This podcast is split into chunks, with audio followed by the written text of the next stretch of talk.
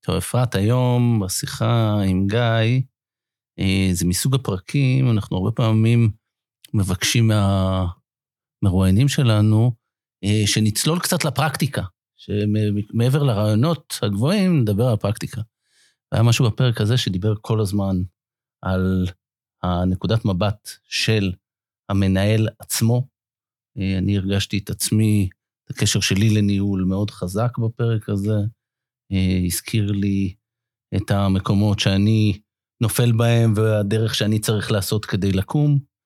אה, שיעור מאוד מעניין, שווה להקשיב. וזה גם מדבר על הרובד היותר עמוק מהפשט, לא רק איך אני מתנהג או מה אני אומר ומי האנשים מולי, אלא מה קורה בשורשים, מה קורה מתחת, מה מעבר לסימפטומים שאני רואה, מה קורה במוטיבציות, מה קורה ביחסים, מה קורה ב-hidden אג'נדות. אה, פתיח? פתיח, ואנחנו מתחילים.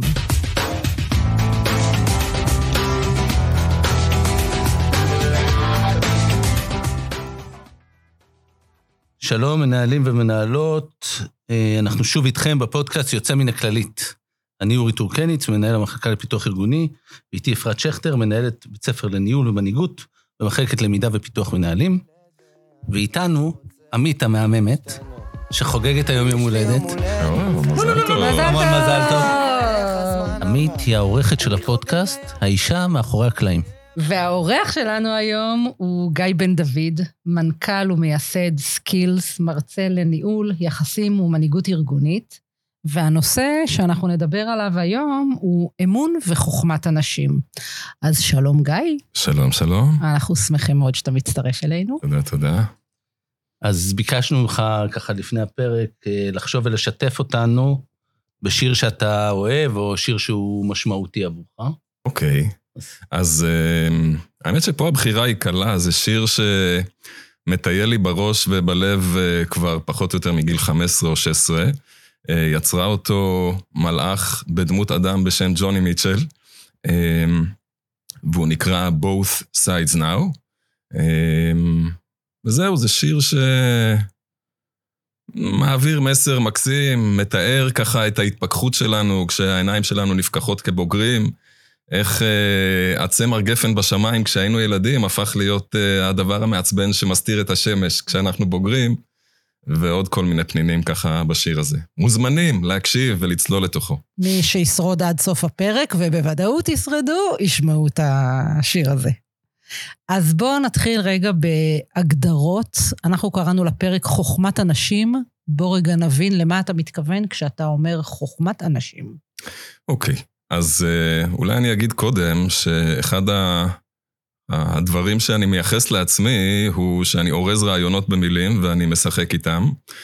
ומה שאולי אנשים יקראו לו בשמות אחרים, אני בחרתי את השם, נתקלתי בביטוי people smart, והוא מצא חן בעיניי, וככה תרגמתי אותו לעברית לחוכמת אנשים. אמ, מן הסתם הרעיון הוא היכולת שלנו לרכוש בצורה מיומנת בנקודת החיבור בינינו לבין אנשים אחרים. Okay, אוקיי? זה ה-obvious uh, של המשמעות. Um, ובעיניי הלב של כל תוכנית לפיתוח מנהלים או פיתוח מנהיגות, אמורה, צריכה לגעת uh, בנקודת החיבור הזאת. Uh, איך אפשר לרכוש שם בצורה מיומנת. Um, אז זאת ההגדרה הפשוטה. זה, זה תכונה, זה מסוגלות, זה משהו שיש למישהו שהוא people smart? כל העולם הזה של nature or nurture, האם אנחנו, היכולת שלנו לפעול אה, כמנהיגים, היכולת שלנו להיות חכמים באנשים, האם זה, זו תכונה מולדת או נרכשת, ככה זה נושא נחקר ונלמד, ויש כאלה שאומרים שאנחנו, שיש מרכיבים מולדים, אבל אני חושב שיש שפע של מקום אה, לשפץ, ללטש, אה, ללמוד אותו ולרכוש אותו, כן. אז בתוך הדבר הזה שנקרא People Smart, איזה סוגי, אמרת שאתה אורז ככה, איזה סוגי דברים נכנסים בתוך זה? תראה, אני, אה, אה, הרבה פעמים כשאני מדבר עם, אה, עם מנהלות ומנהלים על הנושא הזה, הנקודת חיבור שאני בדרך כלל אוהב לגשת דרכה אליו, היא דווקא נקודות כשל מרכזיות או חסכים מרכזיים שאני נתקלתי בהם במהלך השנים, במפגש עם, אה, במפגש עם מנהלים בכל מה שקשור לחוכמת אנשים. אז יש כמה מוקדים מרכזיים. נקודות כשל, חסכים. ואתה רוצה להראות לנו מה זה לא חוכמת אנשים. כן, okay. אוקיי. ודרך נקודות הכשל אפשר אחר כך, אני מניח יותר מאוחר, אה, נוכל לדבר על, ה, על החלק המלא של הכוס ועל הצדדים הפוזיטיביים. נקודת כשל מאוד פופולרית אחת, היא שימוש בעוצמה לא מותאמת. עוצמת יתר המנהל או המנהלת שנכווים כאגרסיביים, כבוטים, כרודנים, אה, על כל המשמעויות אה, של זה למערכת היחסים, או עוצמת חסר. המנהל רכוך. המנומס, הנחמד, אה, זה שחושש לתסכל את האנשים שלו ונמנע מלהגיד את הדברים שמזמן היה צריך להגיד. אז זה חסך אחד. חסך נוסף שאני נתקל בו הרבה, הוא מנהלים שיש להם סרגל אחיד בנקודת מגע עם כל בן אדם. אין להם יכולת דיפרנציאלית של לתקשר עם אנשים שונים בצורה שונה. אתם יודעים, כשאנחנו פוגשים ילד בן שלוש לעומת מבוגר בן שלושים, איכשהו ה... אמ, השוני בממדים מרמז לנו שאל כל אחד מהיצורים האנושיים האלה אנחנו צריכים לפנות בצורה שונה, אבל כשאנחנו פונים לשני מבוגרים, זאת כבר מיומנות לדעת שלאחד אני צריך לפנות אחרת מאשר אחת, על פי מאפיינים אה, שונים שאני מאבחן אצלם. אמ, ומן הסתם, אגב, הסרגל היותר זמין לכולנו, הוא איך הייתי רוצה שיפנו אליי. או איך הייתי רוצה שינהלו אותי, ככה אני מנהל אחרים. אני במקומך הייתי עושה את זה שלוש נקודות, אוקיי? אז אמ, זה חסך אחד נוסף, חסך שני. חסך נוסף שאני יכול להתייחס אליו, אה, הוא איזושהי תפיסה רווחת של הרבה מנהלים שהתפקיד שלהם מתחיל ונגמר ב... לתת משימה ולוודא שהיא מבוצעת בזמן ובדרך שאליה התכוונתי. אמ, אפשר להרחיב על זה בהמשך, אולי אני אסכם בעוד אולי כשל אמ, אה, רביעי, וזה המתח בין תוצאות ואנשים, שעליו אפשר באמת יהיה אולי אה, להרחיב, היכולת, המיומנות, לרכוש על הציר הזה של בין הכוונה התכליתית, הממוקדת, להביא, לגרום לדברים לקרות, להיות חד, להיות תכליתי, להיות ממוקד, לבין כל סט התכונות האחרות, שאולי תחת הכותרת של חוכמת אנשים, אז אפשר סליחה, לדבר עליה. סליחה אם אני אשמע קצת פשטנית. כן, כן. האם חוכמת אנשים זה תקשורת? זה יחסים? זה הכוונה כשאתה מתכוון בחוכמת אנשים? זה על הרכיב הרך, התקשורתי, הבין-אישי של המנהל, לעומת הרכיב היותר אה, תוצאתי, מטרות, אה, יעדים? אפשר להשתמש במילים תקשורת, יחסים. אפשר להשתמש במילה, אם רגע נדבר על מנהיגות באופן כללי, אתם יודעים, יש איזשהו חוקר שמצא שיש יותר מ-650 מודלים שונים של מנהיגות, mm-hmm. אבל אני לא מכיר את כל ה-600, אבל אני מכיר לא מעט, ובסופו של דבר רובם מתמצים ביכולת של המנהיג, המנהיגה להשפיע על אנשים אחרים, אז אפשר בהקשר של חוכמת אנשים גם לדבר על השפעה. אמ, אני נורא אוהב גם לדבר על תשומת לב, על רגישות. על היכולת שלי לפתח סנסורים רגישים בתוך המרחב הזה ולשים לב. אה, ושוב, אפשר יהיה להדגים אולי אה, עוד מעט, אבל תשומת לב, כן, יחסים, תקשורת, זה שם. אז אנחנו מדברים על הרכיבים היותר אנושיים, יותר רכים שבמנהל. נכון. אבל אה, גם אני, עמיתיי, מה שנקרא המרצים והמדריכים, לפעמים מעט נסחפים עם המקום הרך.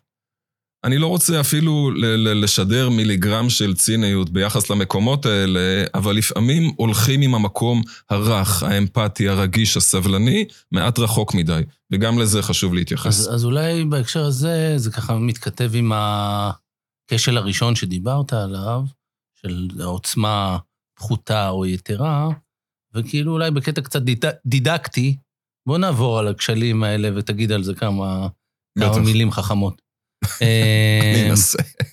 אז בהיבט של, שיש מנהל שהכשל שלו זה עוצמת יתר, ויש מנהל שהוא נחמד מדי ועם עוצמת חסר. מה, איזה תנועה, איך הוא עושה תנועה בדבר הזה? אוקיי, אמ, אז בואו אולי אני אתן איזה שתיים, שלוש דוגמאות, ואז נדבר על איך באמת אפשר אמ, אה, להתרומם משם. דוגמאות פשוטות, יומיומיות, אבל בעיניי זאת חלק מהחוכמה, לקחת רעיונות גדולים ולפשט אותם ולחבר אותם לרצפת הייצור של מנהלות מנהלים. אמ, יש, אגב, לא רק למנהלים ולמנהלות, אבל שם אולי הרגישות היא גבוהה יותר, יש נטייה לפעמים לאנשים לקטוע משפטים של אנשים אחרים או להשלים אותם. ואחד הכשלים של אותם אלה שהחשיבה שלהם שהם לוקים בעוצמת יתר, היא שהחשיבה שלהם היא מדי פונקציונלית, תכליתית. כל אינטראקציה, מבחינתם, נועדה לשרת איזושהי תוצאה או איזושהי מטרה קונקרטית. וזה המבחן 0-1 שלהם. ואז מבחינתם, אם הקשבתי לחצי המשפט של אפרת, ואני כבר יודע מה עומד להיות החצי משפט השני, מבחינתי... אני כבר אעזור לו, הנה, אני לוקה בזה. יפה. אז מבחינתי, להשלים את המשפט או לקטוע, כי כבר העסק הובן ובוא נתקדם הלאה. get to the point. זה, get to the point, זה מעורב פונקציונלי, ובוא נתכנס לתכלס. בשעה שמה שמנהל או מנהלת כאלה רוצים לפתח רגישות אליו, שזה שאני נותן לאנשים להשלים את המשפט עד הסוף, זה לא עניין טכני מטופש. וזה לא עניין פונקציונלי. זה עניין שנועד לחזק, ואני יודע שבלפחות אחד מהפודקאסטים הקודמים דיברתם על זה, נועד לחזק את הביטחון הפסיכולוגי mm-hmm. של הצד השני. זה נועד לכבד את הצד השני ולתת לו תחושה של נינוחות. הרי מול מנהל כזה שקוטע אותי, והתחושה היא שאני צריך לדבר ומהר ולהספיק, אני מן הסתם יגיד דברים קצרים ומהירים, מכוונים לתכלס. אני לא אשתף אותו בזה שאני עובר תקופה קשה, או שאני צריך ממנו עוד ליווי ועוד חניכה. זה לא יקרה, כי ברור לי שאין לו כרגע קשב לזה. דוגמה אחת.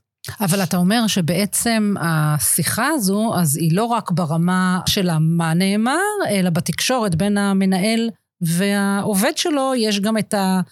את ה-hidden agenda של אה, איך אני נותן לו ביטחון ואיך אני אה, אה, גורם לו להרגיש שהוא משמעותי, מעבר למילים שנאמרות. לגמרי, לגמרי. זה לא מאורע שמתכנס ל"המשימה בוצעה, המסר הובן, צא לדרך". יש פה מקום שבו אני נותן מרחב לצד השני להרגיש בטוח בחברתי. יש מקום שבו אני מכופף, אתם יודעים, מישהו חכם פעם אמר לי, שסימן קריאה, הסימן עצמו מייצג את הדרך הקצרה והמהירה ביותר לנקודה.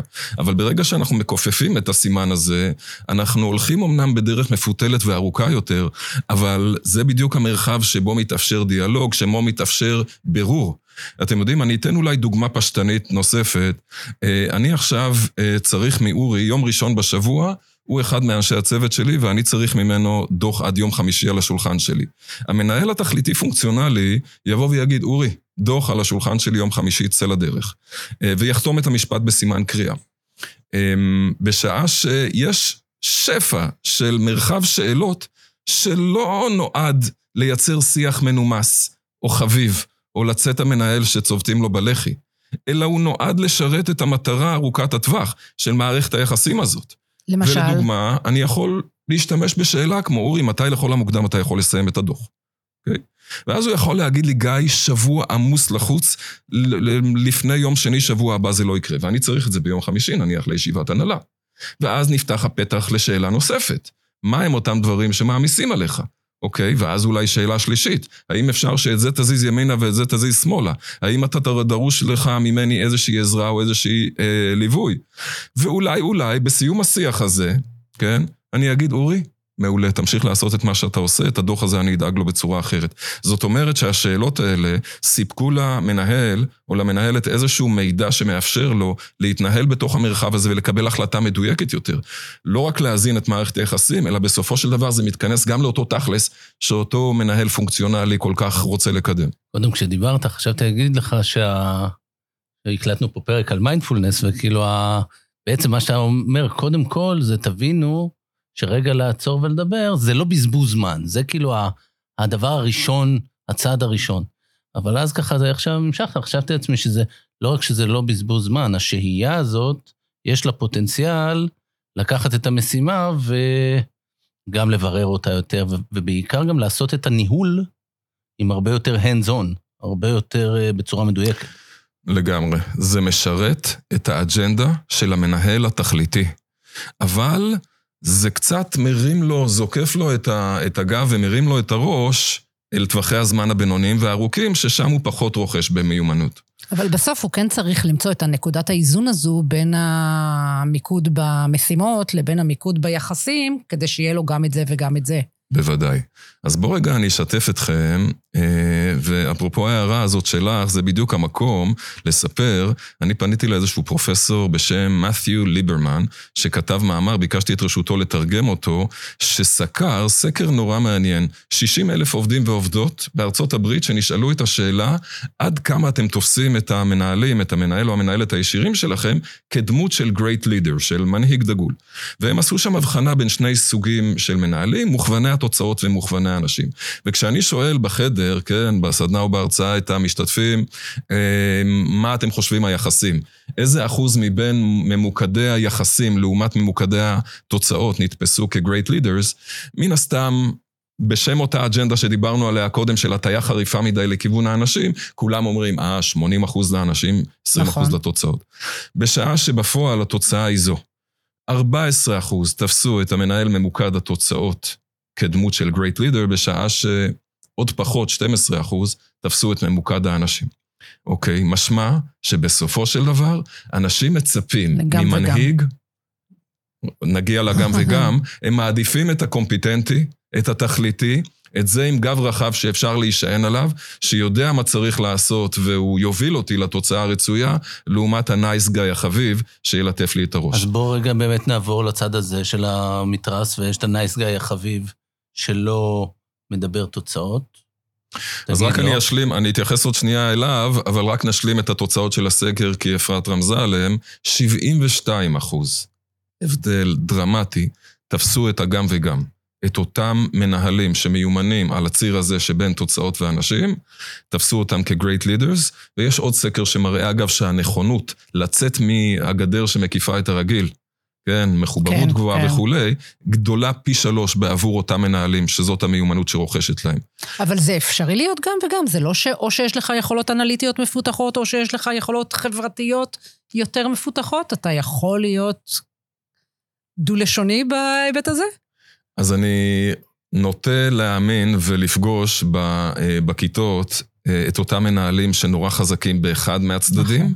חלק מהמיומנות שאותה צריך לפתח, היא באמת אותו אחד שעוד רגע אני אתייחס לשאלה של אורי, או אחת, עם נטייה לצד אחד, לצד הרך מדי, ואותו אחד או אחת לצד התכליתי ופונקציונלי מדי, צריכים לעשות איזושהי תנועה מודעת לצד השני. אין פה כיוון אחיד.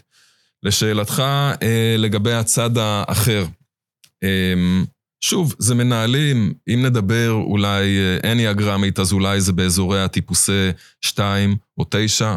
אם נדבר הדיג'סיד, זה אולי טיפוסי, כן, הטיפוסים באזורים של יותר E ו-I. אלה אותם מנהלים שבאמת יש להם חשש עמוק שבצד השני הם יפגשו תסכול או התנגדות. יש להם קושי להיכנס למצבי קונפליקט, הם בורחים מהם כמו מאש. בעיניהם קונפליקט, כעס, זה איזושהי אינדיקציה שהם הולכים בכיוון הלא נכון והם ילכו לכיוון ההפוך. ואז דברים שנועדו כן להיחתם בסימן קריאה ולהיאמר בצורה מוחלטת, בצורה סגורה, נאמרים בצורה פתוחה. זה אותו מנהל שבשיחת משוב או הערכה תקופתית לדוגמה, הוא יתקשה לתת לצד השני את הפלטפורמה להתפתח, וזה דרמטי. אותו מנהל, הוא לא רק שהוא בעיני עצמו אולי יוצא נחמד, והנה טשטשתי פה איזשהו קונפליקט או איזושהי אג'נדה, הוא מונע מהצד השני את המדרגה, את מדרגת הצמיחה שלו. אם אני מוצא את הדרך לבטא בצורה מכבדת ובעוצמה הנכונה, אה, לאן אתה צריך להתפתח, מהם פערי הביצוע שלך, כפי שאני רואה אותם מנקודת מבט חיצונית, שהיא לפעמים סוג של מתנה, ואני מעביר לך ביקורת הוגנת, אני מאפשר לך באמת אה, צמיחה, אני מאפשר לך את הפוטנציאל קידום שלך לתפקיד אולי המשמעותי יותר. אתה מדבר דיב... על אותנטיות. לגמרי, לגמרי. אותנטיות. אגב, אותנטיות זה לא license to kill, צריך גם להבהיר mm-hmm. את זה, כי אנשים לפעמים בשם האותנטיות אומרים, כזה אני, ואז הם באמת נוטים לאחד הכיוונים. אה, אותנטיות היא בין השאר לרכוש בצורה מיומנת, מה שדיברנו בהקשר של חוכמת אנשים. אגב, אחד ה... הביטויים הניהוליים או הכלים הניהוליים או השדות הניהוליים הכי חשובים שבהם המיומנות הזאת בין תוצאות ואנשים מתקיימת, היא באמת בעולמות האלה של שיחת משוב ושיחות הערכה תקופתיות. המנהל התכליתי, בעיניו, כמו שאמרת אורי מקודם, זה נתפס כסוג של בזבוז זמן, או כמטרד השנתי של מחלקת משאבי אנוש. המנהל הרך תופס את הראש ואומר, אלוהים, איך אני יוצא מזה? איך אני אומר לו את הדברים הלא נחמדים, במרכאות או בלי מרכאות, שאני צריך להגיד להם? ושם, זה אחד מה שנקרא מוקדי הבוחן אה, לאירוע הזה, למיומנות הזאת. אני חושבת שזה קצת מוביל אותנו, דיברנו קצת בשיחה מקדימה על כל העולם של אמון. אה, ובעצם, יכול להיות שזה בעצם אבן הבסיס ליכולת הזאת. לגמרי, לגמרי. אה, זה למעשה המטבע הקובע. אוקיי? Okay? האם בתוך מערכת היחסים, האם בפעולה הניהולית הקטנה או הגדולה שעכשיו התרחשה כאן, ביני לבין איש הצוות שלי, או המנהל שלי, או כל אדם אה, בסביבתי, האם באמת חיזקתי את האמון או צמצמתי אותו? וזה סוג הרגישות, אגב, שאני מזמין אה, מנהלות מנהלים, אה, מה שנקרא להתכנס אליה, או לכוון אותה. אה, לפני שאני שולח את הוואטסאפ, לפני שאני אומר את המשפט, לפני שאני קובע את הפגישה ועושה את שיחת המשוב, מהי הדרך המוצלחת ביותר עבורי להעביר את המסר, במיוחד מסרים טעונים, קשים, עם פוטנציאל קונפליקטואלי, איך אני מעביר אותם בצורה שתחזק את האמון. אפשר אולי לפני זה להגיד קצת מה זה אמון, אתם יודעים, זאת מילה, mm-hmm. יש מילים שמעודף שימוש הם נשחקו עד דק ואנחנו איבדנו את המגע למקור של מה, למה התכוון המשורר, יש עוד מילים כאלה, כמו, לא יודע, אהבה, מנהיגות, אלוהים, כל אחד מביא איזשהו סל של פרדיגמות ותפיסות מוקדמות לגבי המושגים האלה, אז אמון היא גם קצת מילה שסובלת משחיקה ועודף שימוש. מה זה אמון? ממה מורכב האמון? אמון בסופו של דבר רוכש בתוך מערכת יחסים, שבה הציפייה שלי שהצד השני יתנהג בצורה מסוימת, מתממשת, אוקיי? זאת אומרת ש... אמ, כן, ברגע שאני, אם נניח אני ואפרת נמצאים עכשיו במערכת יחסים, יש איזה שהם כמה מוקדים, כמה ציפיות יסוד מבחינתי, בתוך מערכת היחסים הזאת, שיזינו או ירוקנו את האמון מתוך הקשר, אוקיי? נניח הציפייה שתרצי לשמר את הקשר ולחזק אותו. נניח בגלל זה בגידה לדוגמה, היא אירוע אה, כל כך קשה בזוגיות, כי הבסיס, בסיס האמון שמה נפגע. ואפרופו אמון במערכת היחסים בין מנהל למנוהל, מנהיג למונהג, שתי ציפיות היסוד, חוזרים חזרה לאותה נקודה, היא שקודם כל יהיו לך כוונות טובות ביחס אליי, אוקיי? תרצה, יש לך, אתה רוצה את טובתי. זה דבר אחד. אז דיברנו על חום, כן? על אמפתיה, על רגישות, אותה גישה של חוכמת אנשים, והצד השני, שיש לך יכולת להוציא את הכוונות האלה שלך. זאת אומרת שאתה בן אדם הנכון, אתה מקצוען, יש לך את הידע, אני יכול להישען עליך. כשאחד משני המרכיבים האלה חסר, אגב, אה, קים סקוט אנחנו מכירים, נדמה לי, כולנו את רדיקל uh, קנדור ואת המפה שהיא uh, ציירה, היא מדברת על זה בשמות טיפה אחרים, uh, אבל גם היא, רדיקל קנדור בסופו של דבר זאת היכולת לחזק את האמון על ידי תנועה מיומנת בין שני, uh, בין שני המרכיבים האלה. היא קוראת לחום תשומת לב אישית ול, ולעוצמה תכליתית היא קוראת אתגור ישירות, אבל בסופו של דבר זה מכוון לאותו מקום. אבל אני, אני חושב שאם נחדד את זה, אני חושב שהם האמון באיך שאתה תיארת, זה לא רק שהציפיות מתממשות, כי אם יש לי ציפיות שליליות ממך והן מתממשות, זה לא מחזק את האמון שלי. אה, אם אתה ממשיך אה, לשקר ואני באמת יודע שאתה תשקר, זה לא מחזק את האמון שלי. האמון מתפתח כשציפיות להתנהגות חיובית. חיובית. מבט אוהד, לדברים כאלה, זה הסיכוי ש... מדויק. שני דברים ביחס לזה, שמעתי באיזשהו פודקאסט של שני אה, אנשים שאני מעריך את דעתם ולדעתי הם קצת לא דייקו שם, שהם אמרו שאמון רוכש רק בין שני אנשים, לאו דווקא. אמון יכול לרכוש בין אדם לבין טכנולוגיה או מכונה, אוקיי? את סומכת, אפרת, על זה שכשאת מוציאה כסף מהכספומט הוא יוציא לך את הסכום המדויק? כן. יפה. אז הציפ... למרות זאת את סופרת, נכון? למה? כן, אנחנו תמיד, יש לנו תקווה שאולי הוא יטעה לטובתי באחד הפעמים. אבל, אה, אבל עדיין, אפשר לדבר על אמון גם ביחס לטכנולוגיה וגם ביחס, אה, לא יודע, לתמרור או לרמזורים. אה, ולגבי אורי, מה שאתה אמרת, לפעמים, וזה כבר מדבר, יש איזשהו מושג שנקרא טעות הייחוס הבסיסית. יש לנו לפעמים איזושהי נטייה לייחס תכונות מסוימות לא חיוביות לאדם, ואז לא בהכרח חיוביות, אה, כן? לחשוב נניח שאיש הצוות שלי הוא עצלן או חסר יכולת, ואז אני אחפש להוכיח אותם, לעצמי. להוכיח לעצמי, ואז כל התנהגות או כל אמירה שלו תעבור דרך הפילטר המשחיר הזה, ואז הוא ילך ויתחזק. וגם כאן, עבודת עומק, מה שנקרא לשרש את, ה, את השורשים השליליים האלה, בכדי באמת לצבוע את מערכת היחסים האלה בצבעים אחרים. אנחנו לקראת סיכום, אז איך מנהלים שרוצים לפתח את רכיב החוכמת הנשים עושים את זה? מה שנקרא על זה, אה, אפשר לייצר פודקאסט של שמונה שעות, אבל אני אנסה לרכז את זה בטיפים. ל-20 שניות. כן. אמ, קודם כל, אורי הזכיר מקודם מיינדפולנס. אתם יודעים, כבר מזמן האירוע הזה הוא לא אירוע שצריך לצאת למקדש בתאילנד או למנזר בהודו בכדי לעשות אותו, הוא, הוא נכנס למיינסטרים של ארגונים. אני מביא אותו uh, לתהליכים שלי, ואני שמח שאתם מצטטים מנחים אחרים שמביאים אותם, כי אני חושב שזאת אחת הדרכים. אחת הדרכים מיני רבות לכוון מנהלים, מנהלות לשים לב, uh, לשים לב ל... אמ, לעוצמה הזאת, לייצר איזשהו פער לפעמים של שנייה, לפני שאני אומר את המשפט. אולי אני אשתמש באיזשהו סיפור קצר, אמ, שידגים וייתן תשובה אולי, אה, אפרת, לשאלה שלך. בכלל, אני אוהב סיפורים. יש איזושהי מרצה חכמה בשם אה, ברנה בראון, שנראה לי שכולנו נהנינו מהתכנים שלה, שהיא קראה לסיפור Data with Soul. אז, אה, אז אני נורא אוהב ככה לקחת פרטי מידע ולתת להם קצת נשמה דרך סיפורים, ואחרי הרבה שנים נאספו המון כאלה. יש איזושהי מנהלת שניגשה אליי בסיום אחת ההרצאות, או באחת ההפסקות בעצם, באחת ההדרכות, והיא אומרת לי, גיא, אה, פניתי למנהל שלי לפני כמה שבועות וביקשתי ממנו אה, הפסק, יום, אה, יום חופשה, כי אני היחידי, היחידה שיכולה במשפחה שלי לקחת, לקחת את סבתא שלי לבית חולים. והוא אמר לי, וזה היה שלב לחוץ בפרויקט, וימי חופשה ככה ניתנו במשורה, והוא אמר לי, אין בעיה, אני אחזור אלייך. עברו כמה ימים, לא חזר אליי. באתי אליו עוד פעם ואמרתי לו, אתה זוכר את יום החופשה? אוי, ברח לי מהראש. תשלחי לי וואטסאפ מחר בבוקר, אני, כן, אני אבדוק לך את זה.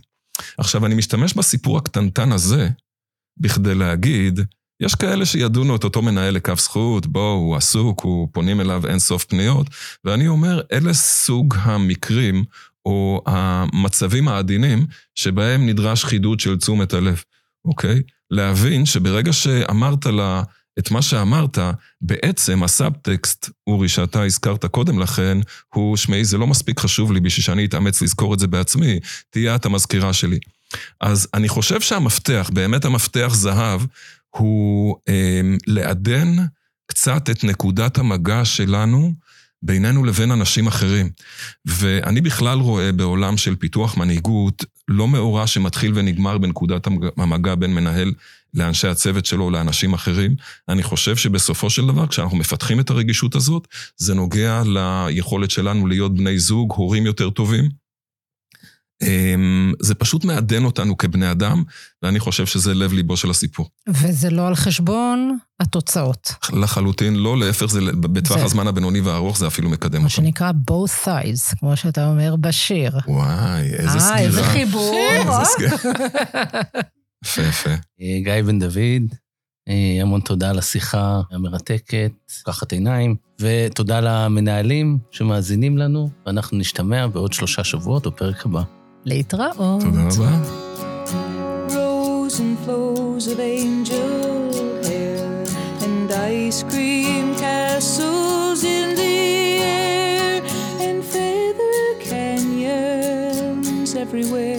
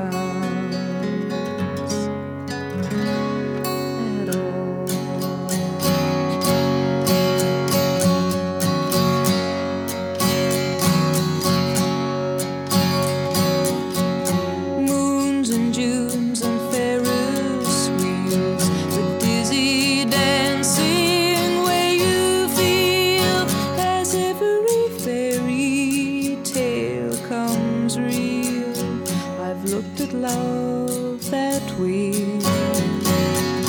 But now it's just